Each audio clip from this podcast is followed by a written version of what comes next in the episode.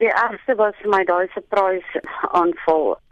As jy jou oë oopmaak en hulle staan hier voor jou met wapens en jy weet nie wat om te doen nie en dan begin hulle jou rondtrek en pluk maak jou vas, jy is heeltemal magteloos. Dis net uh ja, jy kan dit nie regtig vir iemand beskryf nie.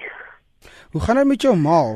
Weet jy, ag ons is almal maar bietjie emosioneel en ons het seer en is nie lekker nie en uh maar ons is almal dan gesond ons is gespaar, ons is nie vermank of verkrag of iets nie en daarvoor is ons baie dankbaar. Die Here het regtig sy hand oor ons gehou.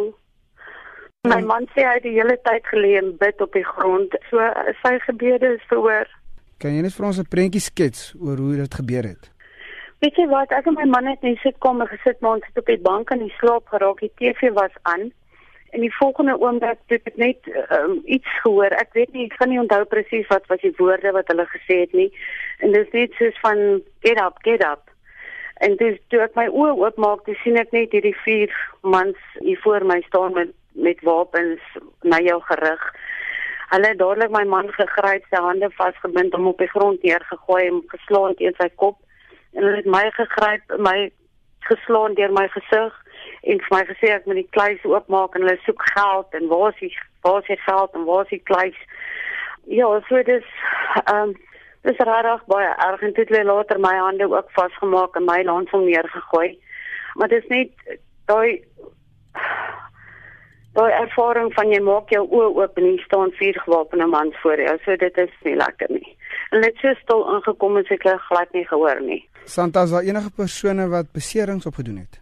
Ja, my man is beseer hy het uh, soos hom geslaan het teen sy kop, maar dit is nie baie, jy weet, dit is nie baie diep wonde nie, maar hy het baie gebloei want kopwonde bloei mos maar gewoonlik.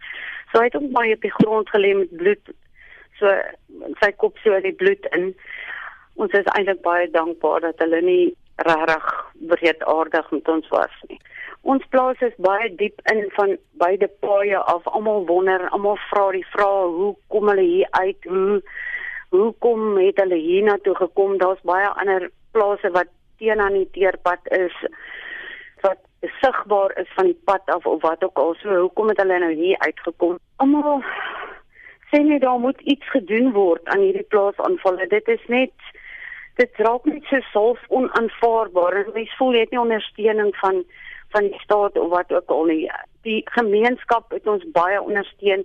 Die polisie was hierso gewees. Die vingerafdrukmense was hierso.